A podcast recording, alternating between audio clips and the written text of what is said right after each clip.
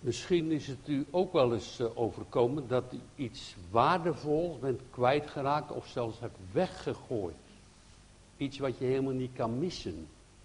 Het gebeurt wel eens dat zomaar een geldbedrag in de kliko gegooid werd. Of dat je bijvoorbeeld, ja je had dus met de vuile zak ook je sleutels meegegooid. Of dat soort dingen. Zou je die dan nog terug kunnen vinden? Krijg je dat dan nog terug? Of, dat wordt dan een heel probleem. Dus tegenwoordig is ook met computer, kan je heel veel klikken en dan gooi je in één keer heel veel weg. Als je een fout maakt met je hele scriptje gemaakt, je drukt op een verkeerd knopje, alles weg. Als je dan geen backup hebt, zo zeggen ze dat allemaal, dan, dan ben je het ook kwijt, dan is het weg. Tenminste, zou je het nog terugvinden? Hè? Die vraag kwam mij boven toen ik dacht aan de Heer Jezus. Toen ze hem uit de tempel hadden gegooid en zijn naam werd helemaal weg. Zou die nog terug te vinden zijn, die koning? En, en waardevol, dat daar je ogen voor open zijn hoe waardevol en hoe onmisbaar hij is. Als je ogen daarvoor open gaan en dat hij dan zo makkelijk weggegooid wordt. Nou, we gaan eens kijken wat er gebeurt met Petrus en uh, Johannes, die samen naar de tempel gaan, zoals het schriftgedeelte voorgelezen is. Petrus en Johannes gaan samen naar de tempel.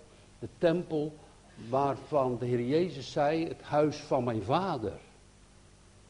Hij zei ook, toen hij nog jong was, tegen zijn ouders, wist gij niet dat ik moest zijn in de dingen van mijn vader? Daar zat hij in het huis en zat hij tussen de rabbies en hij gaf hen zelfs les. En ze waren verwonderd over zijn, over zijn wijsheid. En later heeft hij in het huis van zijn vader de, de, de, de, de wisselaren tafels omgegooid en, en de mensen die vee verkochten uit die tempel gedreven. Jullie maken het huis van mijn vader tot een moordenaarshol, zei hij. Het huis van zijn vader is de tempel. En, en ja, als je nu naar, naar Jeruzalem gaat, is die tempel ook helemaal weg. Die tempel is er niet meer. Maar blijft dat zo? Iets wat je kwijt bent, iets wat weggegooid is, of wat onmisbaar is, zou je dat nog terugkrijgen? Die vraag, die hield me even bezig toen ik dit ook las en overdacht. En dan gaan Petrus en Johannes, die gaan toen nog, toen die tempel daar nog was, pas na de Pinksterdag van de uitstorting van de Heilige Geest, wat zo heel belangrijk is voor heel de christenwereld, gaan ze naar die tempel toe. En dan zou je zeggen, Petrus en Johannes, voorzichtig toch. Voorzichtig. Je kan daar niet zomaar naar binnen gaan. Je meester is daar uitgeworpen. Toen daar vroeger een blinde man vasthield aan de Heer Jezus die hem genezen had, werd hij ook uit de tempel gegooid. En als jullie nu teruggaan, ja, dan, dan, dan kan je daar misschien wel teruggaan, maar dan mondje dicht over de Heer Jezus. Dan, dan, dan kan je het wel doen. Hè? Dus uh, in de wereld kan je heel ver gaan, ook met christenheid en met christendom. En heel veel dingen kan je heel ver gaan als je maar niet op de genade en de hulp en de kracht van God pleit. Dat je die nodig hebt. Dat je daarbij hoort. En dan kan je de wereld, ja. hij is wel een christen, hè? Maar het is wel een aardige man, want je kan ook met alles met hem doen en zo. Hè? Snap je? Dus dan, dan, dan kan je alle kanten op. Wees voorzichtig. Be careful, zeggen ze in het Engels. Hè? Wees voorzichtig. Rustig aan. Niet doen. Maar ze gaan toch. En dat komt omdat de Heilige Geest is uitgestort. De Heilige Geest is uitgestort, is in hun harten gekomen. Ze krijgen moed. Al die andere plannen, die angst in hun hart gaat weg. En ze gaan naar de tempel toe. Dat is het. Dat is het geheim van Pinksteren. Hè? Het Pinkster-evangelie had zoveel kracht. En ze werden vervuld met de Heilige Geest. En ze zijn doorgegaan hun hele leven met het verkondigen en het getuigen dat Jezus Christus uit de dood is opgestaan. En dat hij gekruisigd is voor de zonde te betalen van de wereld. En dat hebben ze verteld en gedaan. Zo gaan ze naar de tempel. Het is de derde uren, de tijd van het gebed, zo is het dan eh, genoemd in de schrift. Daar willen ze bij zijn. Ze gaan ook naar de tempel toe waar de Heer Jezus. Dus die tempel waar de Heer Jezus kwam, waar de Heer Jezus van zegt: het huis van mijn vader. Maar die tempel is veranderd in een vijandige situatie toen in Jeruzalem. Antichristus. Nou, die antichrist die is over heel de wereld bekend. Hè? Die komen dadelijk aan het eind van de wereld, komt de antichrist. Nog sterk omhoog, wordt gezegd in openbaring 13. De zoon van de verderfenis. En daarom is het nodig dat wij kort bij het woord blijven. Is het nodig dat we elkaar vasthouden. Voordat je het weet. Zo snel kunnen die omwentelingen gebeuren. Ook in onze tijd. Dat je niet meer naar de kerk kan of mag. Denk maar niet, dat kan plotseling gebeuren. En hoe gaan wij dan verder? dus dat heeft de Heer Jezus voorzegd. Hij had het ook tegen hen voorzegd. In de wereld zult gij verdrukking hebben. Maar heb goede moed, ik heb de wereld overwonnen. Als we deze geschiedenis verder lezen in het boek Handelingen. Wat er gebeurde, ze gaan dus zo naar de tempel toe. Maar even later werden ze vervolgd en er werkelijk er ook uitgeworpen. Zal die tempel nog terugkomen? Maar de vraag is, zou, zou de Heer Jezus nog in die tempel toen terug kunnen komen? Nou ja, ze gaan onderweg en onderweg ontmoeten ze daar een uh, bedelaar. Die zit aan de schone poort, dat is een schone, prachtige mooie poort. Er zijn meerdere ingangen van de tempel. En die waren hele zware deuren van koper beslagen. Sommigen hebben gezegd, een Alexandrische Jood, die heeft die tempeldeuren geschonken. En je moest wel met twintig man zijn om die deur open te krijgen. Zo'n hele zware deur beslagen met koper gloopt natuurlijk in de zon. En daar zit die man, die, die, man die was kreupel, was ongeveer 40 jaar, rond de 40 jaar, was al iets ouder dan 40 jaar. Die hebben ze daar gebracht aan, aan die poort, om, daar, omdat er heel veel mensen langslopen om daar te bedelen. En wij kennen dat wel. Uh, in, ons in Nederland zie je dat eigenlijk ook wel. Hè? Dus bij, op drukke punten, als wij in Antwerpen bij ons uitdelen, zien we daar ook uh, Roemeense mensen nog. Of Soms ook uh, mensen die wat muziek maken, en, maar ook zie je die de straatkrant verkopen. En als je in zuidelijke landen komt, dan zie je dat nog meer. Er zitten vrouwen met een bekertje, zijn de bedelaars.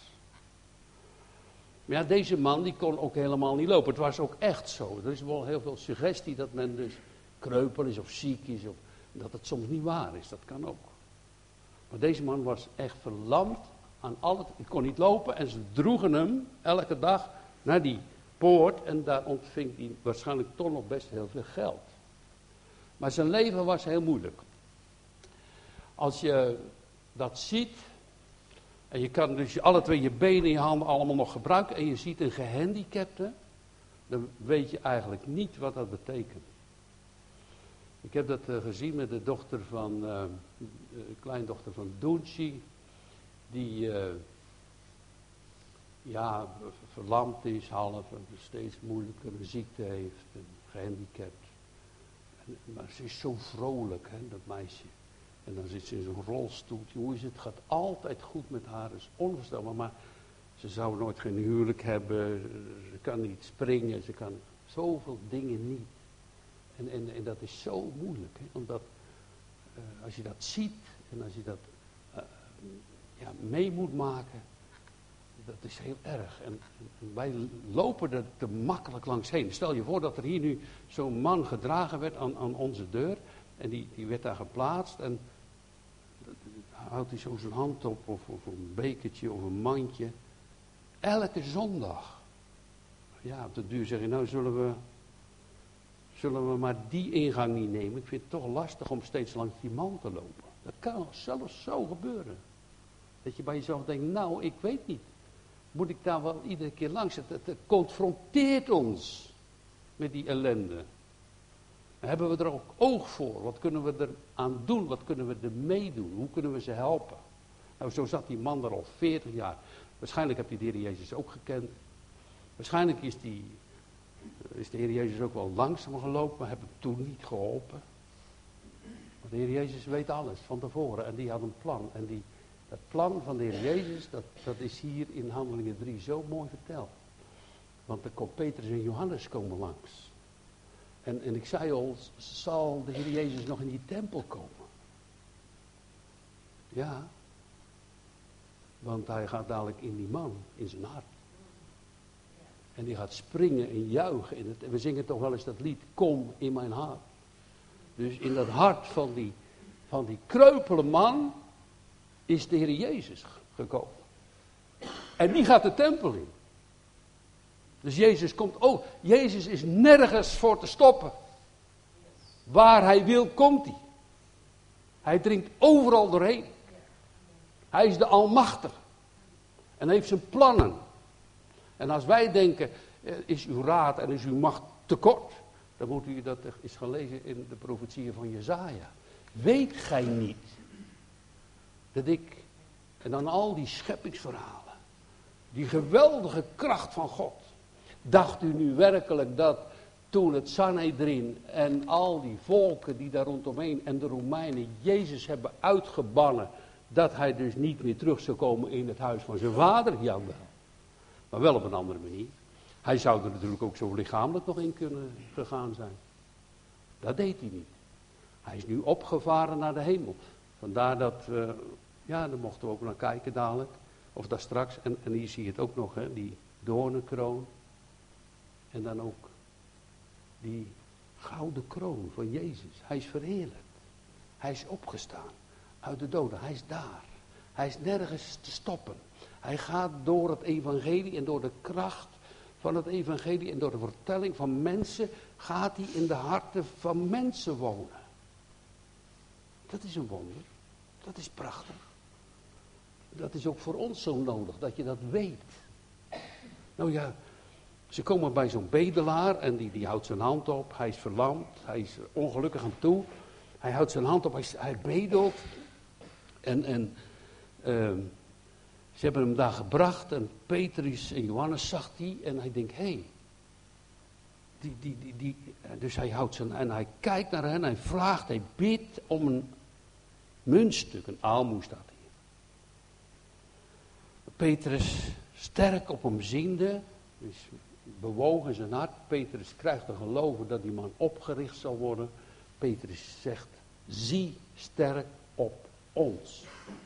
Dus probeer nou eens af te zien van die financiële dingen, maar kijk naar ons.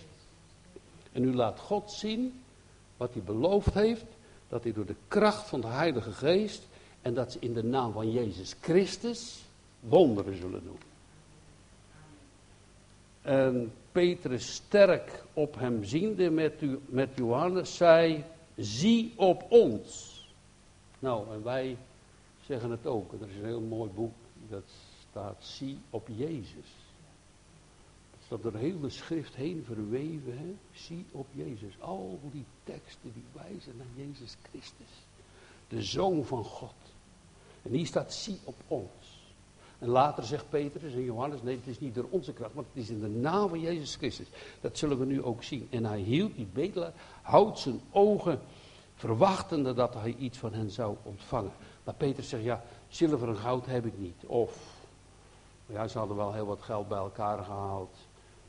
Eh, als je dat leest, dat iemand zelfs zijn goederen verkocht had.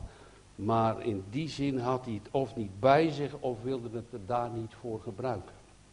Zilver en goud heb ik niet, maar wat ik heb, dat geef ik u de naam van Jezus Christus de Nazarener. Moet u voorstellen, die verachte naam. We zeiden al, voorzichtig hoor, die naam niet gebruiken. Maar dat bordje, dit is de koning der Joden, Jezus de Nazarener, hing boven zijn hoofd toen hij gekruisigd was. En, en diezelfde woorden gaat Petrus gebruiken. Dus, dus hij zegt in de naam van Jezus de Nazarener boven zijn hoofd. De Joden wilden dat weg hebben. Nee, nee, Pilatus zegt dat bordje blijft staan. De naam van de Nazarener. Sta op en wandel. En hij grijpt hem bij zijn rechterhand. Hij richt hem op. En terstond zijn zijn voeten een enkele vast. Dus, dus hij wordt, moet u voorstellen, als we als we dus een, uh, dat, sommige mensen weten dat, als je een gebroken been gaat of enkel, of je bent in het gips gegaan, dan, dan, en dan gaat dat gips eraf. Ik heb het nooit gehad, maar dat hoor ik dan vertellen. Maar dan moet je als het ware weer leren lopen. Dan, dat is ook met je armen zo, je moet dat weer leren gebruiken. Die spieren zijn helemaal verslapt. Want die man die staat in één keer op. Het is een totale gezondheid. Hij staat dus op, hij staat op zijn voet, hij begint ook te lopen en hij begint dadelijk te springen in de tempel. Had hij nog nooit geleerd. Had hij in meer dan 40 jaar nog niet gedaan. Nog niet gelopen, gesprongen, verlamd. En dat grote wonder, dat gebeurde in de naam van Jezus Christus de Nazarener. Die man die geloofde. Door het geloof in zijn naam. En hij houdt nu sterk aan Petrus vast. En zo gaat hij de tempel binnen. De tempel waar Jezus niet in mocht. Iets wat de mens het onmisbare, het belangrijkste weggegooid had. God. De duisternis en de Satan was bij ons geworden. En de dood, anders gingen we niet dood. al die ellende van die verlamming vloeien voort uit die situatie van Genesis 3. Dat is het. En, en, en zo is het gebeurd. En zo gaat het nog maar door. En, en, en, zo, en zo denken nog heel veel mensen, nou we moeten er alles aan doen. En, en, en nog maar. En, en we kunnen ook al zoveel. En het is echt allemaal eindig. Het gaat ook allemaal voorbij. Maar op zich ik ben nog wat ouder geworden, maar ik vind het eigenlijk ook niet zo erg dat het allemaal voorbij gaat. Als je jong bent, dan denk je, ja, ik wil nog stad. En ik... Ja, loop je dan met de dood in je schoenen? Nee hoor, dat niet. Maar wel dat je eigenlijk uit mag zien naar de komst van Hem. Dat je mag, uit mag zien naar dat het gebouw vol wordt. Dat mensen in de Heer Jezus gaan geloven. Dat het evangelie kracht gaat doen. In de harten van de mensen. Dat de mensen zullen gaan geloven. Wat een blijdschap voor onze gemeente en voor onze harten. Als we gaan zien dat kinderen gaan geloven, dat ouderen gaan geloven. En, en dat die schroom om te vertellen, zoals een broeder van ons een woensdag sprak met de Bijbelstudie. Ja, ja, ik heb wel één punt. Ik vind het wel heel lastig. Ik vind het wel heel moeilijk om, om ook iets te getuigen. En we hebben het nog even over gehad en we hadden het op de Bijbelstudie er nog over. En, en ik heb hem vanmorgen ontmoet. Hij is nu ook hier onder ons en die zei, ik heb voor het eerst gebeden waar mijn vader bij was. Mooi hè? Waar mijn vader bij was. Nou, daar gaan, dus diezelfde geest, diezelfde kracht, die kan ook in ons komen. Zoals Petrus en Johannes en die, en die verlamde die nu kan lopen naar de tempel toe. Anti-Jezus, maar ze gaan toch daar naartoe. Waarom? Om die mensen allemaal slecht te maken en te zeggen, jullie deugen helemaal niet. Nee, dat die getuigenis van Jezus Christus harten aan zal raken. Dat die getuigenis van Jezus Christus mensen tot geloof brengt. Dat is het. Dat is de bedoeling ook van die wonderen. Er zit een plan achter van God. Hij wil die mensen redden. Hij wil dat die mensen geloven dat Jezus bestaat. Vader, Zoon en Heilige Geest. Echt naar het woord Gods. Maar ook dat hij ons redden wil, dat hij de zaligmaker is. Dat hij de koning is. Weet je wat ook uh, zo mooi is? We zeggen dat ook wel eens, hè. We moeten maar kort bij de Heer Jezus leven en we moeten vasthouden aan de Heer Jezus. Want het is een moeilijke tijd, vooral als je hier in Brabant leeft en heel veel mensen in je familie helemaal niet willen geloven. En, en, en eigenlijk verbaasd opkijken dat je naar de kerk gaat wil ik ook nog iets anders zeggen. Maar gelukkig, dat, dat vind ik dan voor mezelf hoor. Ik vind zo gelukkig dat hij me vasthoudt. Je loopt zo makkelijk weg. Dat hij je terugroept. Dat hij je erbij houdt. Dat hij voor ons bidt. Dat zijn heilige geest uitgaat als een stem in je hart. Joh, dat of dat. Dat niet of dat wel. Dat je daarnaar luistert. En dat je op die manier ook mag groeien zo zongen we dat maar, dat kinderliedje toch? Lees je Bijbel en bid elke dag. Dat je groeien mag. Want ja, als je, als je niet groeit, dat, is dodelijk. Dan ben je stilstand water, dan gaat het stinken. En, en hier zien we wat er gebeurt. Die man, die, die springt op. Uh, wat een blijdschap, hè. zo een ene keer als een wonderteken. En hij opspringende stond en wandelde en ging met Petrus en Johannes in de tempel. En hij begint daar in die tempel te springen en te loven. Weet je, weet je wat er ook nog is met zo'n verlamde en zo'n kreupelen? Zo staat het ergens ook in de Bijbel en sommige verklaarders hebben dat ook gezegd. Dat hij helemaal niet in de tempel komen mocht. Hij mocht niet eens naar binnen omdat hij kreupel was. Dat staat in de schrift. Hij mocht daar niet komen. En nu is hij genezen en nu gaat hij in het huis van ook zijn vader. Want hij is tot geloof gekomen. Hij heeft zich vastgehouden. Eerst aan Petrus en Johannes, maar aan Jezus Christus. Nou, die naam, die gaat dus toch, ik vond het eigenlijk wel, ja, heb je ook wel eens iets weggegooid dat waardevol was? Er was een predikant, en die uh, ging op een baggermolen werken. En hij was later predikant geworden, maar voordat hij dus uh, predikant was, ging hij op een baggermolen werken. En dan ging ze met een roeiboot gingen ze naar boord, naar zo'n baggermolen, en die had het zand en grind op. En had, zijn moeder had een bijbeltje in zijn tas gedaan, maar hij heeft toen ze met dat bootje naar die baggermolen ging, heeft hij zijn bijbel overboord gegooid. Weg ermee. Zo kan het gaan. Je kan iets onbewust kwijtraken, maar soms ook bewust. En Petrus zegt in dit gedeelte, dat hebben we niet helemaal gelezen, vers 17, dat is nog heel opmerkelijk. Jullie hebben dat in je onwetendheid gedaan, de Heer Jezus dus veroordeeld. Of dat dat nou een verzachtende maatregel is, maar je hebt het ondertussen wel gedaan. En dat is met ons ook zo. Wij leert een psalm en onze vaderen tevens, dus die ook verzuimde alle trouw en plicht van onze God, de God des levens, die zoveel wonderen had verricht. En dan zijn we bij weggelopen. En dan roept u en brengt u ons terug. Nou, dat is toch totale verwondering. Totale dankbaarheid. En dat doet hij uit liefde en daar gebruikt hij Petrus en Johannes voor. En zo komen ze naar de tempel toe. Wat is dat geweldig, dat wat je kwijtraakt, je toch terug kan krijgen. En dat begint al zo eenvoudig. Lees je Bijbel. Bid elke dag. Dat je hem vinden mag. Dat je zo groeien mag. Zie je?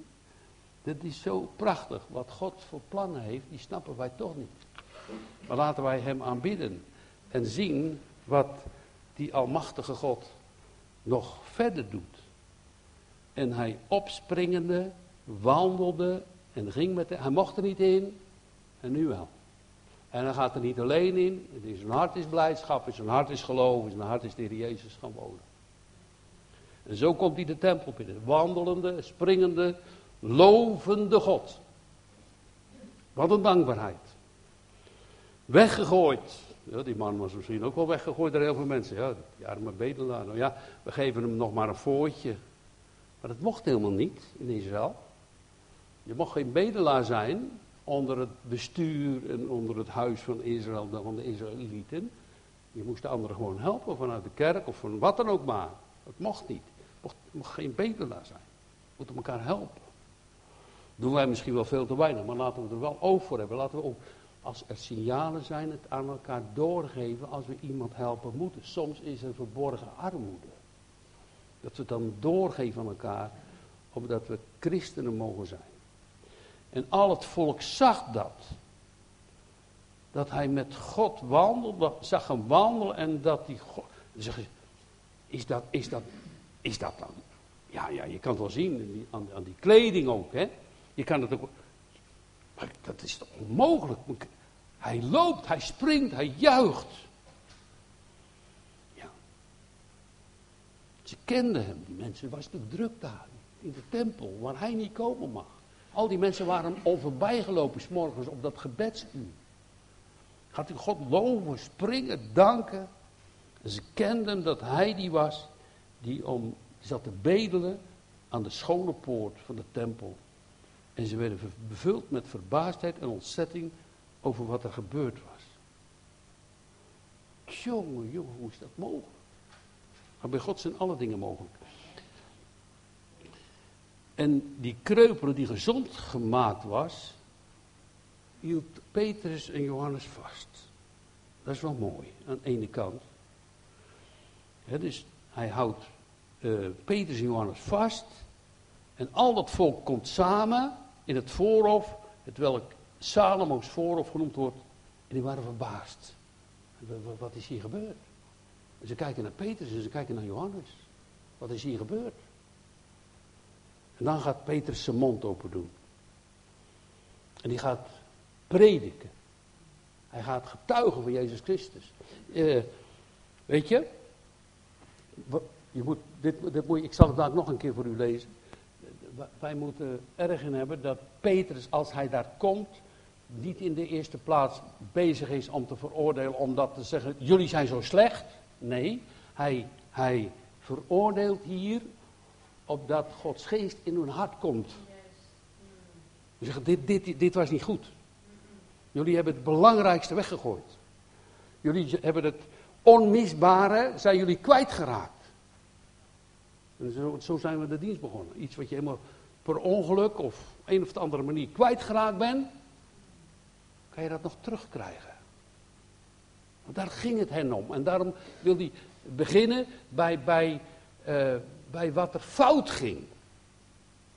Zou je dat ook onder elkaar mogen doen als, als gemeente Ude? Om, om tegen elkaar te zeggen, ja, ik, ik, ik vind wel goed. Of dat of dat, u tegen mij en ik tegen u, als dat nodig is.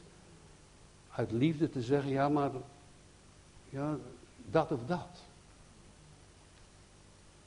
Zou dat kunnen? Ik, ik denk wel, dat denk ik over. Soms ben je wel eens te zacht, aardig, of misschien wel eens te hard. Dat je dingen verzwijgt en dat is ten nadeel van de ander of van de gemeente. Petrus doet dat niet. Petrus gaat iets zeggen, goed opletten wat er nu staat.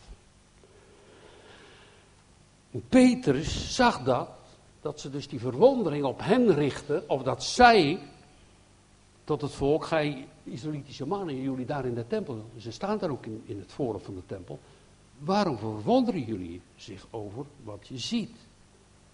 En zien jullie zo sterk als op ons, alsof dat wij door onze eigen kracht of godzaligheid in deze hadden, deze mannen hebben doen wandelen. En dan gaat hij spreken over de Heer Jezus. Dus hij heeft zoveel vrijmoedigheid in, in, in dat anti-christelijke gebouw, die tempel, die toch het huis van de Vader is, gaat hij deze woorden zeggen. En hij zegt, de God, dat spreekt de Israëlieten wel aan, hè? de God Abrahams, dat wisten ze wel, de God Isaac, de God van Jacob, de God onze vaderen, heeft zijn kind Jezus verheerlijkt. Ja, dat zie je. Mooi, mooi geschilderd. Onze broeder. Kijk, zie. Eerst was het zo, nu is het zo. Dat is nog maar een schilderij hoor. Het is veel mooier. Als je me ziet, Johannes valt als dood aan zijn voeten. Zo geweldig is hij. Verheerlijk, dat is de Segina. Helemaal vol van heerlijkheid. Als die in de tempel zou zijn, dan zullen alle mensen achterover vallen of, of voorover vallen. Plat. Hij, hij laat dus in zijn barmhartigheid die kreupelen binnenkomen. Die looft God. Die God van Abraham, Isaac en Jacob. De God onze vader heeft zijn kind Jezus verheerlijkt. En dan, en dan gaat hij ze eerlijk behandelen. Hij zegt, welke jullie hebben overgeleverd. Ja, daar stond hij, Jezus. Ze hebben een gevangen genomen, overgeleverd. Sanhedrin, Pontius Pilatus. Dat is een beetje harde woorden, toch? Is toch niet mooi dat zo recht, zo raap te zeggen, in de tempel nog iets. Be careful toch, wees voorzichtig. Hè? Nee, hij doet het wel. Hij doet het met een reden. Want er komen dadelijk nog meer tot geloof van deze mensen. Welke gij overgeleverd hebt. En hebt hem verlogend. Dus zo ja, u bent helemaal de Messias niet. En voor het aangezicht van Pilatus, als hij oordeelde, dat men hem moest loslaten, toen hebben jullie die andere gekozen, Barabbas. De moordenaar. Ze zeggen, laat die maar los en Jezus gekruisigd. Dat zegt hij hier. Maar gij hebt de heilige en de rechtvaardige verloochend. En hij begeert dat de man die een doodslager was, zou geschonken worden. En de vorst des levens hebt gij gedood. Welke God opgewekt heeft uit de doden. En daar zijn wij nu getuigen van. En, en dat kan je ook zien aan die man. Dus Jezus komt toch op een andere manier dan wel in de tempel. Wat kwijt is, is terug. God laat zich nooit door iets uitsluiten. Door alle goddeloosheid en de verkeerde dingen. En dan kunnen we elkaar op het matje roepen. Jij bent de slechte. Nee, zegt Revius. Niet alleen het Joodse volk, Heer Jezus, hebben u gekruisigd. Maar ik ook met mijn zonde. Wij hebben, wij hebben er allemaal, de hele wereld heeft daar deel aan.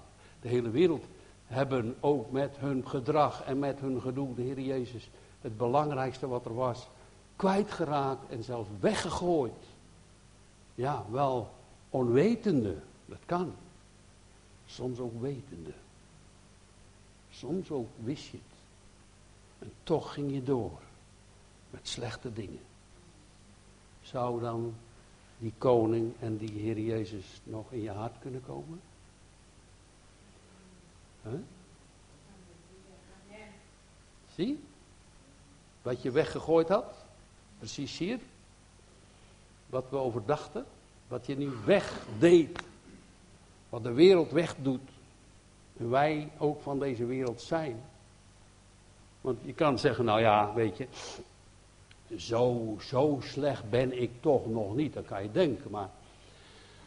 Uh, wij hadden vroeger een oude predikant en die leerde ons heel veel dingen. En die man die zei, kijk, je kan wel zeggen, ik ben een Nederlander, zegt hij, maar er is dadelijk een oorlog of zo. Dat was juist ook in tijden van de Tweede Wereldoorlog. Ik heb er niks mee te maken. Maar toen had je nog een dienstplicht, maar ze roepen je wel dat je het leger in moet hoor. Of je nou wil of niet. En je hebt wel een nationale schuld. Dan zeggen ja, maar dat deed ik niet. Maar wij zijn Nederlanders, dus als je dan kijkt hoe het met Nederland gaat, dan staan we er niet zo best op hoor, in de wereld ook niet. Maar bij God helemaal niet. Dan hebben wij een nationale schuld. En als je zegt, nou ja, dat heb ik ook nog niet gedaan, of die zonde heb ik ook nog niet gedaan. Dan leert de schrift, als je één zonde gedaan hebt, ben je schuldig aan een heel heilige wet. Heb je ze allemaal gedaan. dat, dat ambieer je nog niet zo en zeggen, ja. Maar, weet je, als Gods geest in je hart komt, dan zeg je, ja, het is eigenlijk het is, het is echt zo. Wat is Gods genade groot. Ik heb die genade van u zo nodig. Omdat hij mij bewaren, dat hij mij behoeden. Dat ik met hem mee mag gaan. Zo sprint die man daar in de tempel. En Petrus zegt dat eerlijk, jullie hebben hem gekruisigd. Jullie hebben hem overgeleverd. Ik, ik, lees nog even vers 17, dat is niet gelezen. En nu, broeders, ik weet dat gij het in onwetendheid gedaan hebt, gelijk als ook uw overste. Maar God heeft al zo vervuld hetgeen door de mond van zijn profeten tevoren verkondigd was, dat de Christus lijden zou. En dan zegt hij, betert u dan en bekeert u, opdat uw zonden mogen uitgewist zien. Dat was de bedoeling. Dan lees je iets verder in vers 19. Dat was de prediking. Hij, hij, hij geeft het aan wat fout was. En dan zegt maar hier heb je gelijk. Kijk, dit is nog fout, dat is negatief. En hier heb je positief. Die God die, die jullie dan zo onderbrachten, vermoord hebben zelfs, die komen jullie juist helpen. Maar kijk maar naar die, naar die kreupele man, dan kan je het al zien. En door het geloven zijn naam heeft zijn naam, dus door de naam van Jezus Christus, deze opgericht. Die jullie kennen. En het geloof dat door hem is, heeft hem deze volmaakte gezondheid gegeven in alle tegenwoordigheid. Ja. Ze konden het zien. En voor ons, de geschiedenis is voorbij. En, en, en, en nu voor ons, iets wat we kwijtgeraakt zijn en misschien nog wel eens kwijt kunnen zijn of niet weten, of hoe moet het nu? Zegt de apostel Paulus in 1 Korinthe 3 vers 16, weet u het niet? Dat u Gods tempel bent? Ziet u?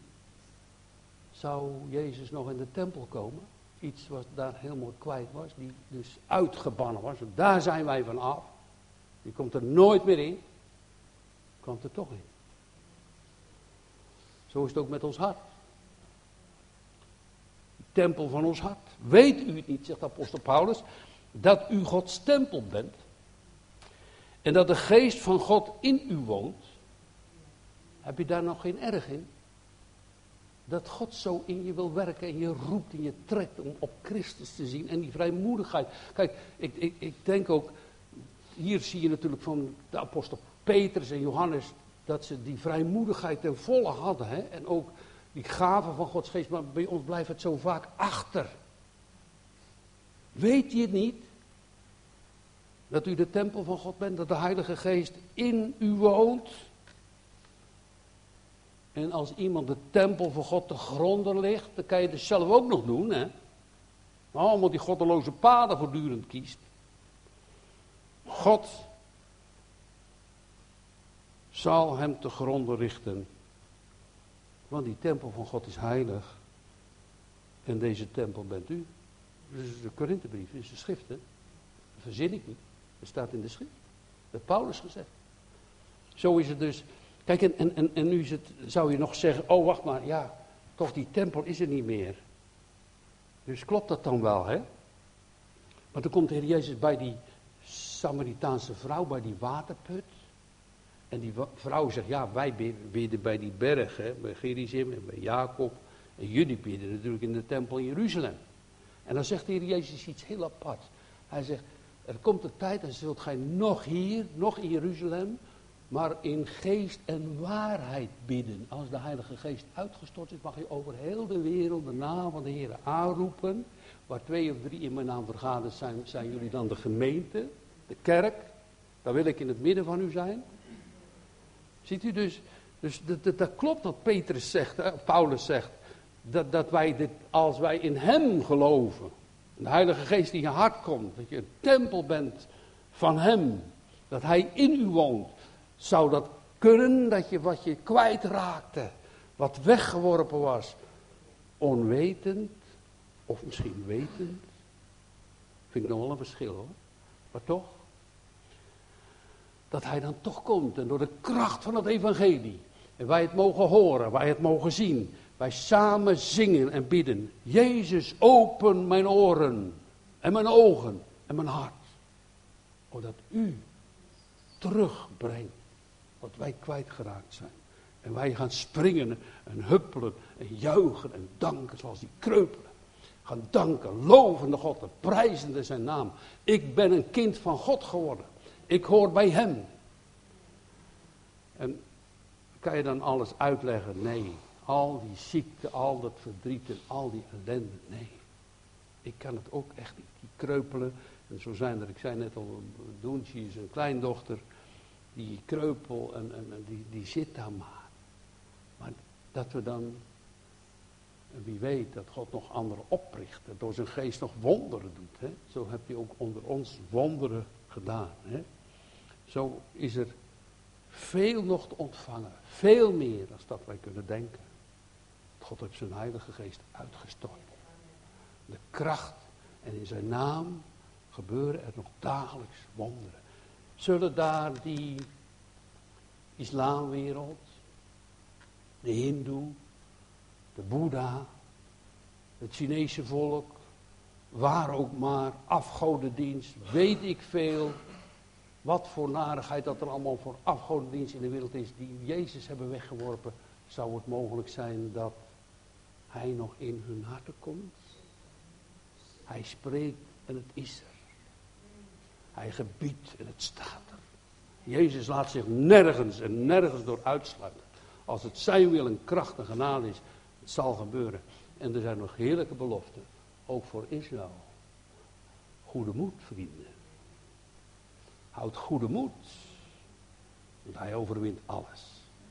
Maar bid dat u in de zuigkracht van zijn liefde, zoals die bedelaar, die kreupelen vasthield aan Johannes en Petrus, dat we vasthouden aan de naam van God. En zo zullen juichen. Met elkaar. Amen.